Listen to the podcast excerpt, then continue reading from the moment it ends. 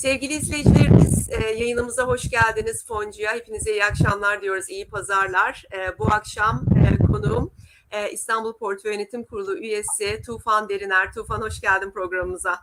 Merhabalar, hoş bulduk. Herkese iyi pazarlar diliyorum. İyi pazarlar. Bu akşam biraz erken yapıyoruz yayınımızı. Ee, sevgili izleyicilerimiz sorularınızı da yazmaya başlayabilirsiniz.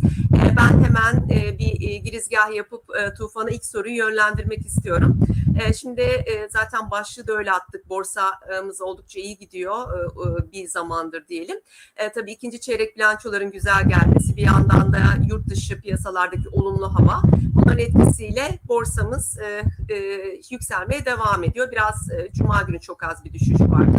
Ama onun dışında işte 2800 puanları geçtik.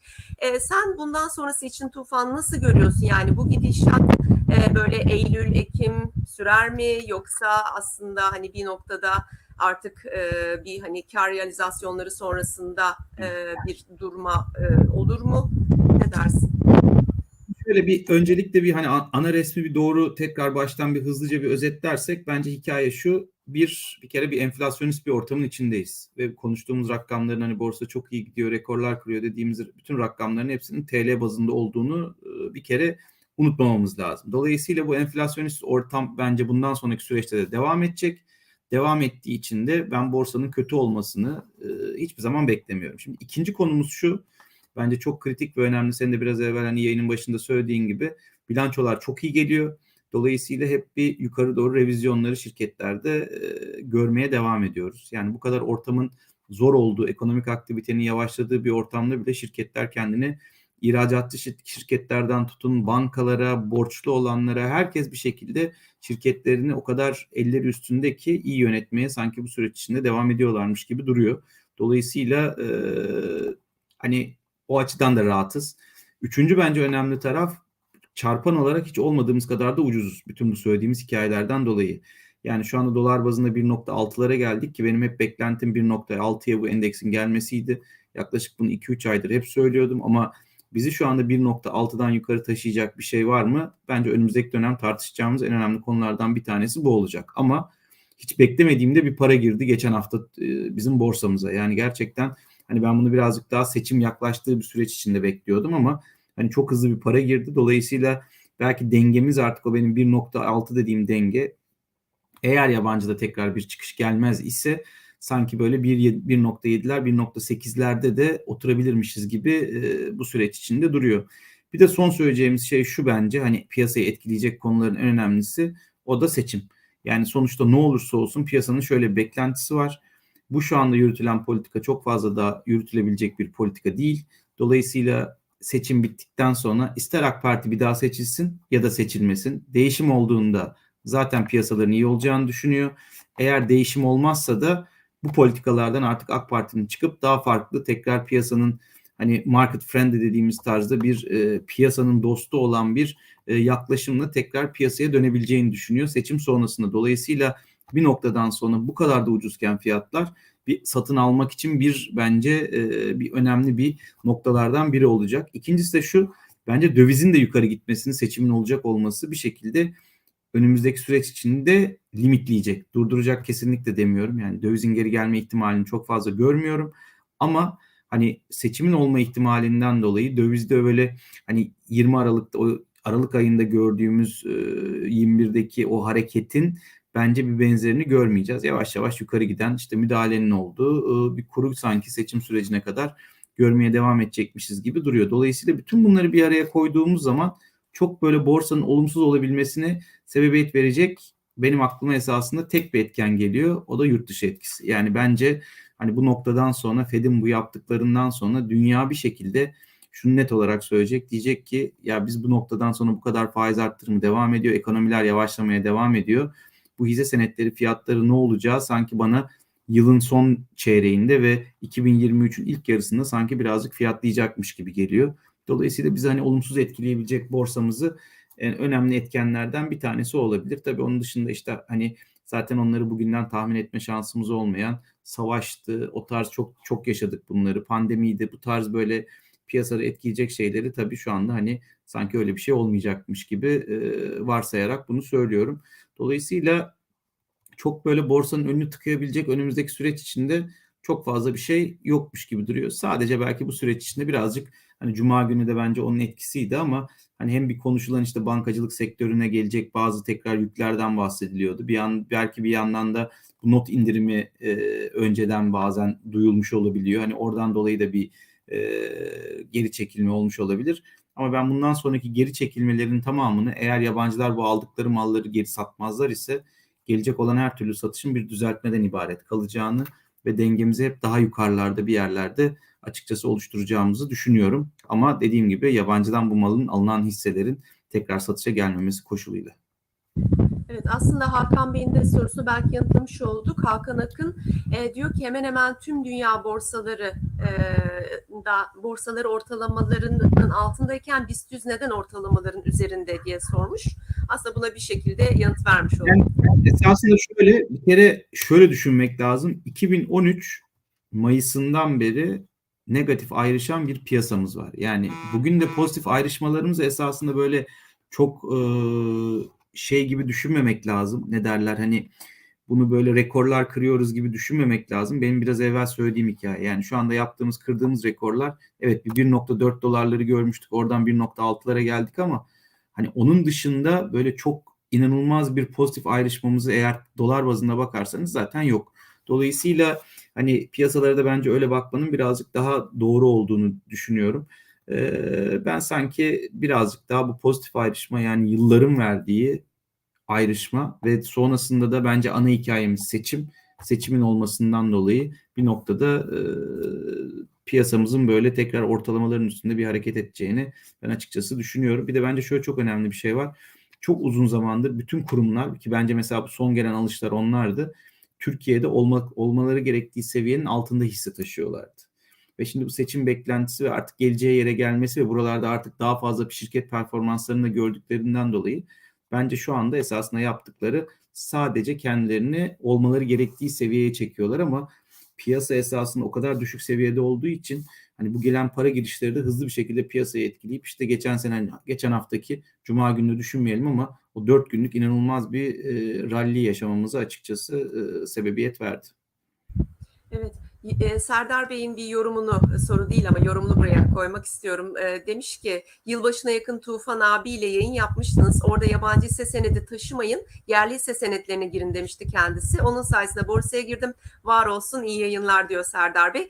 E, hatırlayacak belki evet. izleyicilerimiz de 21 Aralık sonrasında. Söyleyeceğim şey daha evet. daha esasında bence yeni baş.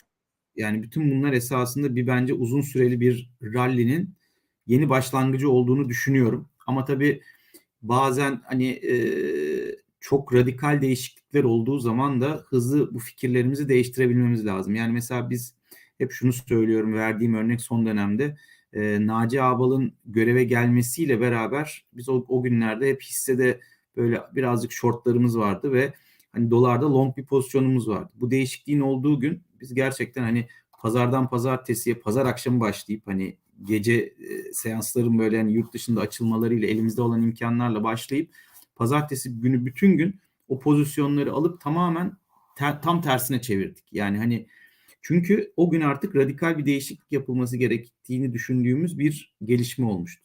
Daha sonrasında işte 3 ay sonra 4 ay sonra Naci Ağbal'ı tekrar görevden aldıklarında gene bu işin bir tersi oldu. Şimdi de esasında bu fikre bize ulaştıran ve hisse senedine girilmesi gerektiğini söyleyen ana hikayemiz esasında bir çok geride kalmış olmamız, iki enflasyon.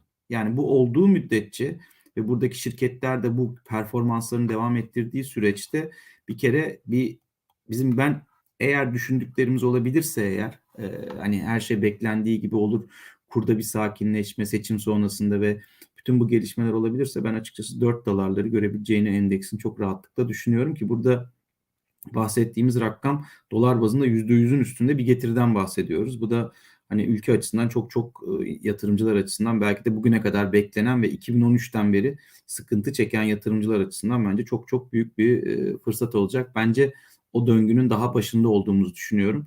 Dönem dönem bence yakın bir vadede belki biraz düzeltme gelebilir çok hızlı yükseldik diye ama borsanın ben önümüzdeki dönemde de iyi olmaya devam edeceğini düşünüyorum. Peki bu CDS primindeki düşüş Tufan Bey, e, yani e, işte bu Rusya'dan bir para geldi, e, hani bu Akkuyu terminali için geliyor falan ama sonuçta ülkeye bir para girişi oldu. E, biraz hani bununla bağlantılı olduğunu da düşünüyoruz ama hani bizim ekonomik göstergelerde bir değişiklik yok. Gene cari açık hani yıl sonu 50 milyar dolar tahmin ediliyor falan. E, peki neden CDS priminde böyle bir hızlı bir düşüş 900'lerden 650'lere ne dersin? Şimdi şöyle bir kere bence bu çok kritik ve önemli esas çok da güzel bir soru ama bunun ana sebebi bütün dünyadaki bizim gibi gelişmekte olan piyasa ülkelerinin CDS'lerinin hepsi geri çekildi. Yani grafikleri esasında üst üste koyarsak hani böyle bir e, bakılırsa bunların hepsine aşağı yukarı bütün ülkelerin aynı oranlarda geri geldiğini düşünebiliriz.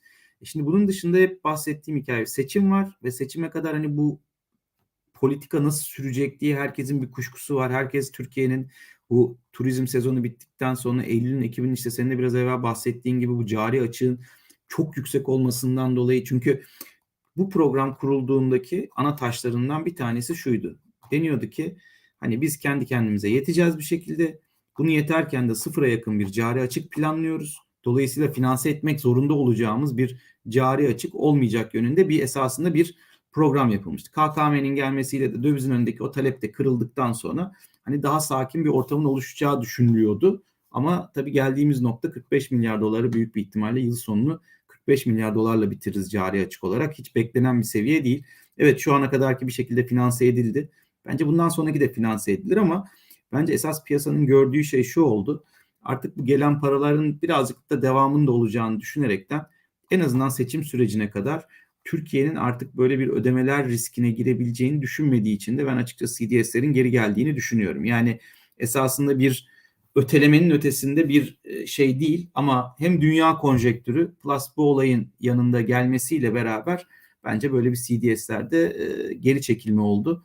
Ben bu geri çekilmenin de birazcık kalıcı olacağını da açıkçası düşünüyorum. Hani izleyip göreceğiz şimdi tabii not indirimi falan bütün bunların gelmesi belki tekrar birazcık daha CDS'leri yukarı doğru alabilir ama Hani ben bunun eğer dünyada tekrar bir CDS'lerde böyle risk anlamında yukarı çekilme olmadığı takdirde e, ben açıkçası hani buralarda kalacağımızı ve bu şekilde seçime gideceğimizi düşünüyorum.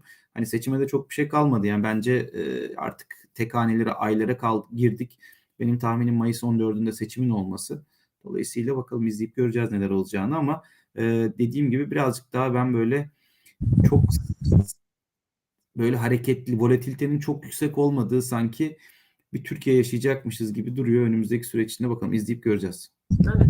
E, bu CDS'lerdeki düşüşü sormuş Ulvi Bey. E, bu düşüş e, Eurobond fonlarına etkisi Ulvi Bey yükseliş olur. Tabii ki CDS'lerdeki düşüş Eurobond fonlarının değerini arttırır. Zaten son birkaç haftadır e, ortalama %2'lik, %3'lük haftalık e, yükselişler görüyoruz Eurobond fonlarında e, hani CDS puan yükselmesi de fonların değerini düşürüyordu. Burada da tam tersi bir etki olduğunu söyleyebiliriz.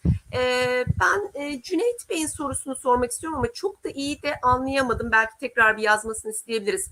Düzeltmeden dikkat edilecek nedir? Her gün tedirgin olmaktan bıktık demiş. E, bilmiyorum hani sen anlayabildin mi soruyu?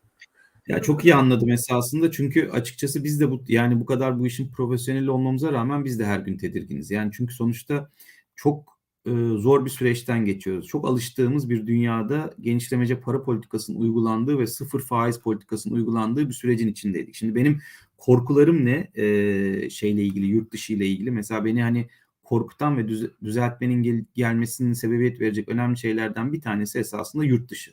Ve bu kış yaşanacaklar. Yani bu kış gerçekten yaşanacakları bence dünya daha evvel hiç yaşamadı. Yani Rusya'nın gazı kesmesiyle beraber hani neler yaşanacak gerçekten e, merak ediyorum. Yani bugün işte Almanya'ya gittiğiniz zaman bütün tarihi mekanların gece 10'dan sonra 11'den sonra ışıklarının kapatıldığı, ciddi bir tasarrufa girildiği esasında ne, ne kadar ciddi bir kışın bizi beklediğini gösteren çok önemli e, etkenlerden bir tanesi. Dolayısıyla bütün bunlar varken hep tedirginiz zaten ne yazık ki. Bence olmaya da devam edelim. Tedirginlik de bence bizim piyasalarda çok kötü bir şey değil. Evet belki çok para kazanmayı e, engelleyen bir şey ama hani benim tedirginlikten kastım burada e, açıkçası şu bir yurt dışı piyasalarda tekrar bir e, bozulma olur mu?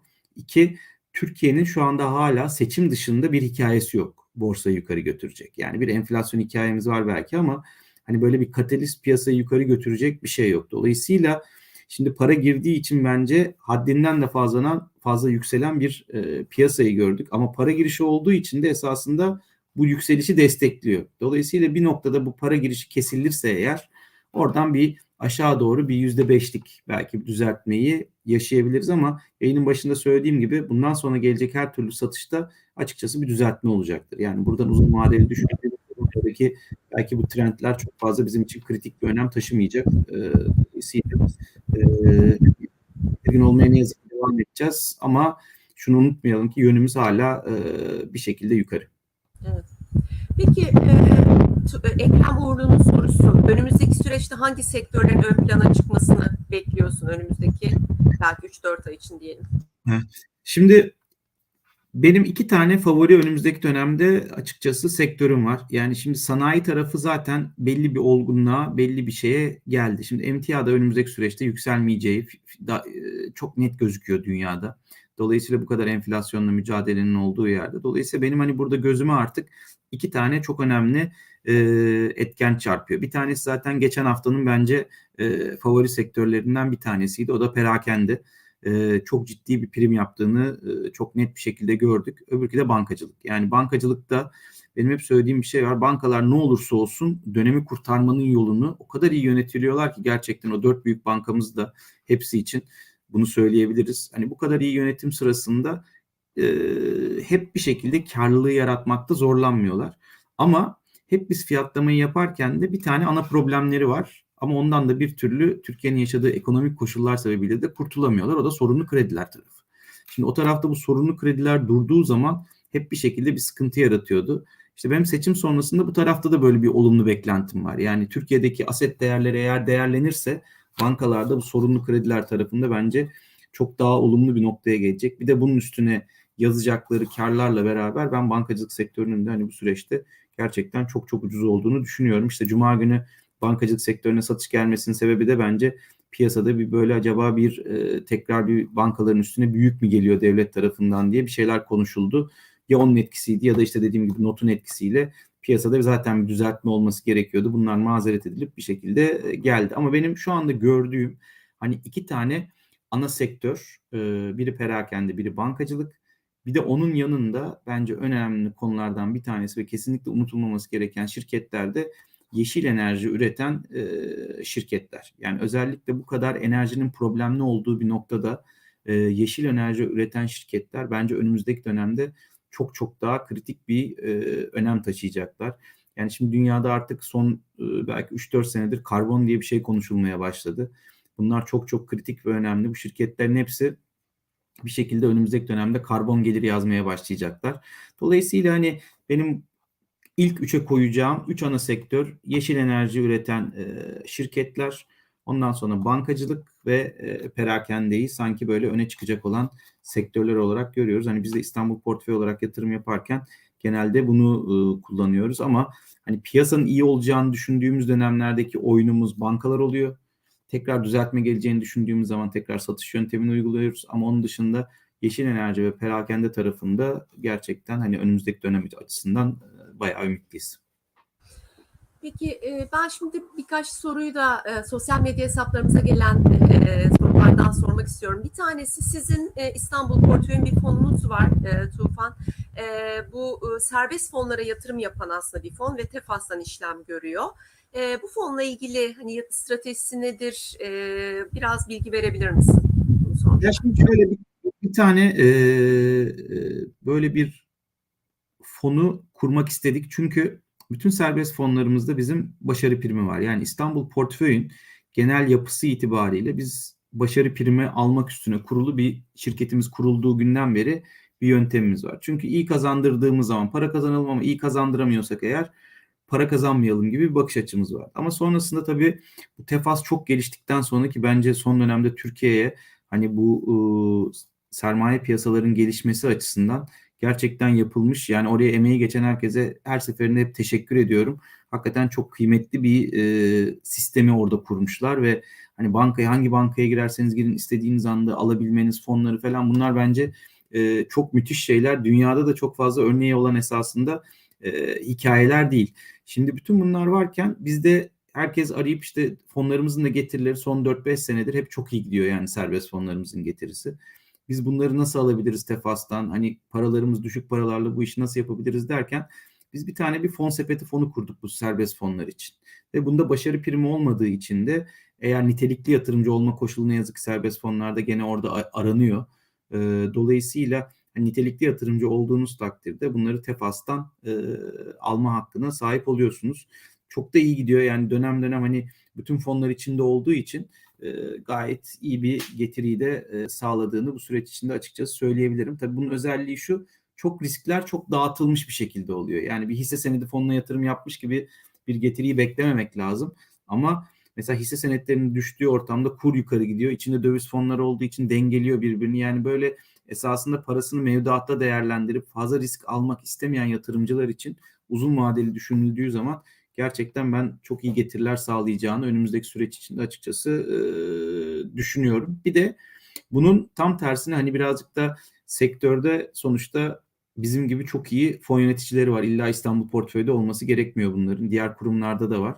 Dolayısıyla şimdi sadece bir algoritma kullanarak o tarafta da fonlara yatırım yapan ama bu sefer tefasta olan yani tamamen normal bir e, fon sepeti fonu olan bir sepet bir fon sepeti fonu daha kurduk. Orada İstanbul portföyün dışında bizim sistemimizin belirlediği fonları alarak da bir e, şey yapıyoruz. Yani biz hani sadece kendimize değil risklerimizi bir şekilde minimize edecek. Ondan sonra piyasadaki iyi fon yöneticilerinin de fonlarını alarak böyle bir getiride bir farklılık yaratmaya çalıştığımız bir sistemde kurduk açıkçası. Evet. E, şimdi izleyicilerimiz de yandan yazdılar. İlk konuştuğumuz serbest fonumuz e, ben de kodunu hani şu anda hatırlayamadım. IZB e, olabilir herhalde. Evet, IZB aynen. Selim Bey Yani şuradan bakayım yanlış Evet. bir şey söylemeyeyim şimdi artık o kadar çok fon oldu ki fonumuz Evet, var. Ben karışıyor. dönem Aynen. dönem sonra karıştırıyorum. Şuradan şimdi bakıp söyleyeceğim. Siz devam edin ben doğru kodu söyleyeceğim. Evet, evet. İkinci e, konuştuğumuz da bir e, serbest fon değil sevgili izleyicilerimiz. E, e, hepimizin alabildiği e, fon. E, birinci fon sepeti fonu yanlış hatırlamıyorsam algoritma ile yönetilen o IRF. Değil mi? IRF Evet, e, Evet. Şimdi IZB'ymiş zaten hemen yazdılar bana arkadan. Şirketten dinleyenler de var herhalde. Bizim şirketten hemen sağ olsunlar yazdılar. Teşekkür ediyorum Hamza abi bu arada. Şey yaptığın için. Öbürkü de ÖREV. IRF, evet. IRF'de evet küçük yatırımcıların da alabildiği serbest olmayan fon, e, algoritma ile yönetilen İstanbul Portföy'ün birinci fon sepeti fonu. Peki kar payı ödeyen bir temettü fonu kurmayı düşünüyor musunuz? Hayati Akman'ın sorusu. Ya esasında düşünüyoruz ama şöyle yani o tarafta aç- açıkçası düşündüğümüz şu o kadar çok var ki piyasada yani esasında yapacağımız şey ondan sonra gidip mesela bu bunların hepsi dört büyük bankanın fonlarında var. Ondan sonra hani yapacağımız şey esasında onları replike etmekten başka bir şey olmayacak. Çünkü aşağı yukarı temettü tarafındaki hisselerin ne olduğu verimlerini aşağı yukarı hepimiz zaten hesaplayabiliyoruz. Dolayısıyla bunu koyduğumuz zaman bir de böyle çok yenilikçi gelmediği için açıkçası bir de bizim sonuçta bankalar gibi bir satış ağımız, kuvvetli bir satış ağımız olmadığı için hani biz o tarafta geri durmayı birazcık e, düşündük. Çünkü zaten var piyasada ve gayet iyi de yapılıyor diğer bankalar içinde o temettüye şey yapanlar. Hani biz orada piyasadan ciddi bir pay alamayacağımızı düşündüğümüz için ve orada hani bizim katma değerimizi çok hissettirecek bir yatırım stratejisi olmadığı için açıkçası birazcık o taraftan uzak durduk.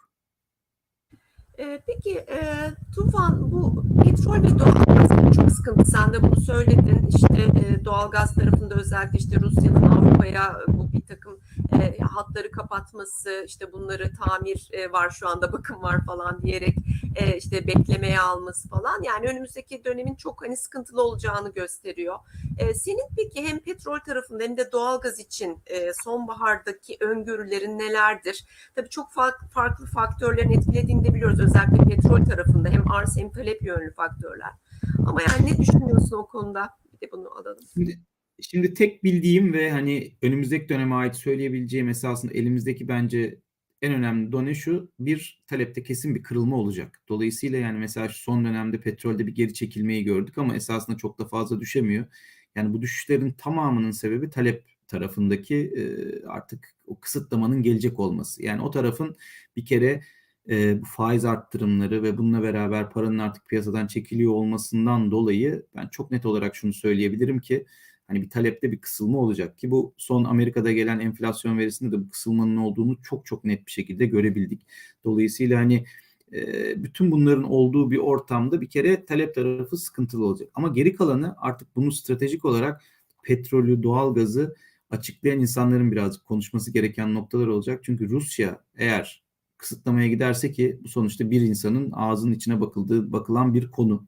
Gittiği zaman da fiyatın nereye gideceğini, nasıl zorluklar olacağını, ülkelerin bunu nasıl kaldırabileceğini açıkçası bence ülkelerin kendileri bile bilmiyorlar. Yani bugün geldiğiniz yerde işte temin verdiğim örnekte Almanya'da, Avrupa'daki birçok ülkede belli bir saatten sonra elektriklerin kısıtlanması şunlar hiç geçmişte gördüğümüz konular değil. Demek ki işin ne kadar ciddi ve problemli olduğunu esasında gösteren bence çok önemli bir etken.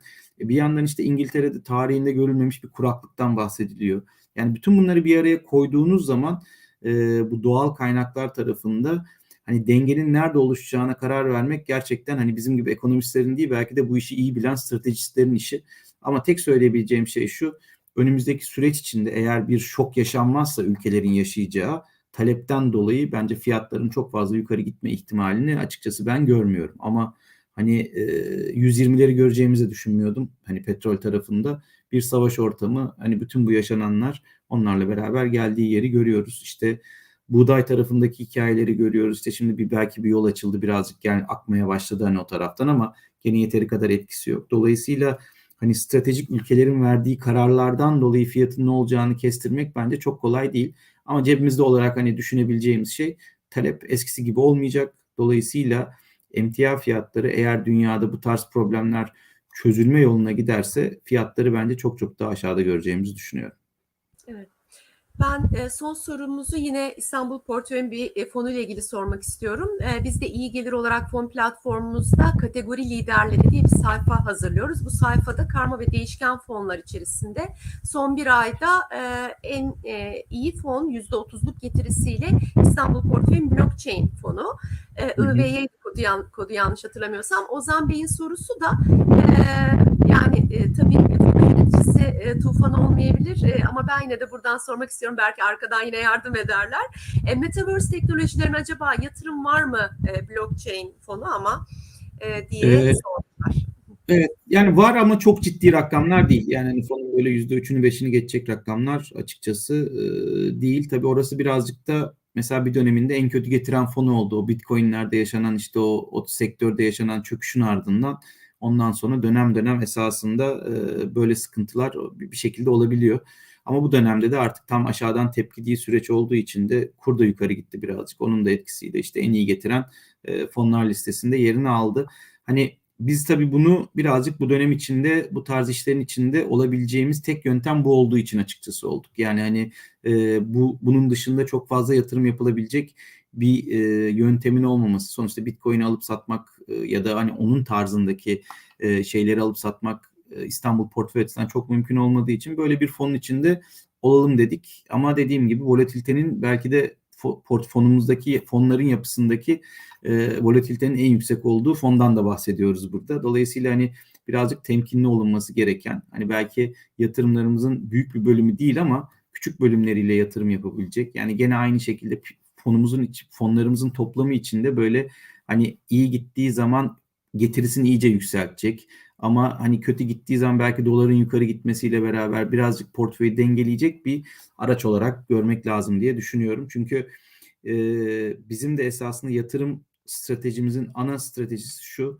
Hep hesap yapılabilir şeylere bir şekilde yatırım yapmaya çalışıyoruz. Yani sonuçta şirketlere yatırım yaptığınız zaman ne kadar EBITDA yarattığı, ne kadar karı olduğu ya da ne kadar zararı, borcu bütün bunların hepsini alıp bir kafamızda bir ileriye dönük bir projeksiyon yaratabiliyoruz. Yani ne yazık ki bu tarz fonlarda, bu tarz yatırım yaptıklarımızda projeksiyon birazcık okuduklarımız ve öngörülerimiz ve hani e, bildiklerimizi böyle bir araya getirmemizle oluyor. Dolayısıyla hani bu taraftaki volatilitenin de çok daha fazla olduğunu da e, unutmamak lazım. Evet, özellikle temalı fonlarda sadece o temaya yatırım yapıldığı için sevgili izleyicilerimiz portföyünüzde birkaç temaya birden yer vermeniz e, riski azaltmak açısından iyi olabilir diyelim. Yani şöyle ben bir şey daha eklemek istiyorum buraya. Hani temalı fonlar tarafında bence temalı fonlar da çok e, faydalı araçlar. Ama bir temaya inandığımız bir temaya uzun bir süre bence inanmanın da çok doğru olmadığını düşünüyorum. O yüzden biz birazcık hani İstanbul Portföy olarak bu temalı fonlar tarafında birazcık kendimizi geriye çekiyoruz. Çünkü bir temalı fonu kurduktan sonra belki de 7 ay 8 ay sonra o tema bitecek. O zaman o fonu kapatıp başka bir temaya geçmeniz lazım. Bunların birazcık zor olduğunu düşündüğümüz için biz genelde serbest fonların içinde temalarımızı kendimiz kullanalım ve hani öyle hareket edelim. Bize daha doğru geliyor açıkçası bu süreç içinde. Hani ona da birazcık dikkat edip hani böyle temalı fonlarda çünkü şöyle oluyor. Unutmayın yani o listeye girdiğiniz zaman her zaman bir temalı fonların olduğu sektör hep birinci, ikinci, üçüncü oluyor. Ama belki de 6 ay sonra da bu sefer hep en diplerde oluyor. Yani hani e, o devamlılık olmuyor. Dolayısıyla orada yatırım yaparken dikkatli ve bence yatırımın küçük bölümlerini yapmanın faydalı olabileceğini düşünüyorum. Peki çok teşekkür ediyoruz Tufan verdiğin bilgiler için. Çok Ben sağ ol. teşekkür ediyorum. Herkese iyi pazarlar diliyorum. İyi pazarlar, iyi haftalar sevgili izleyicilerimiz. Bol kazançlar. Görüşürüz. Hoşçakalın.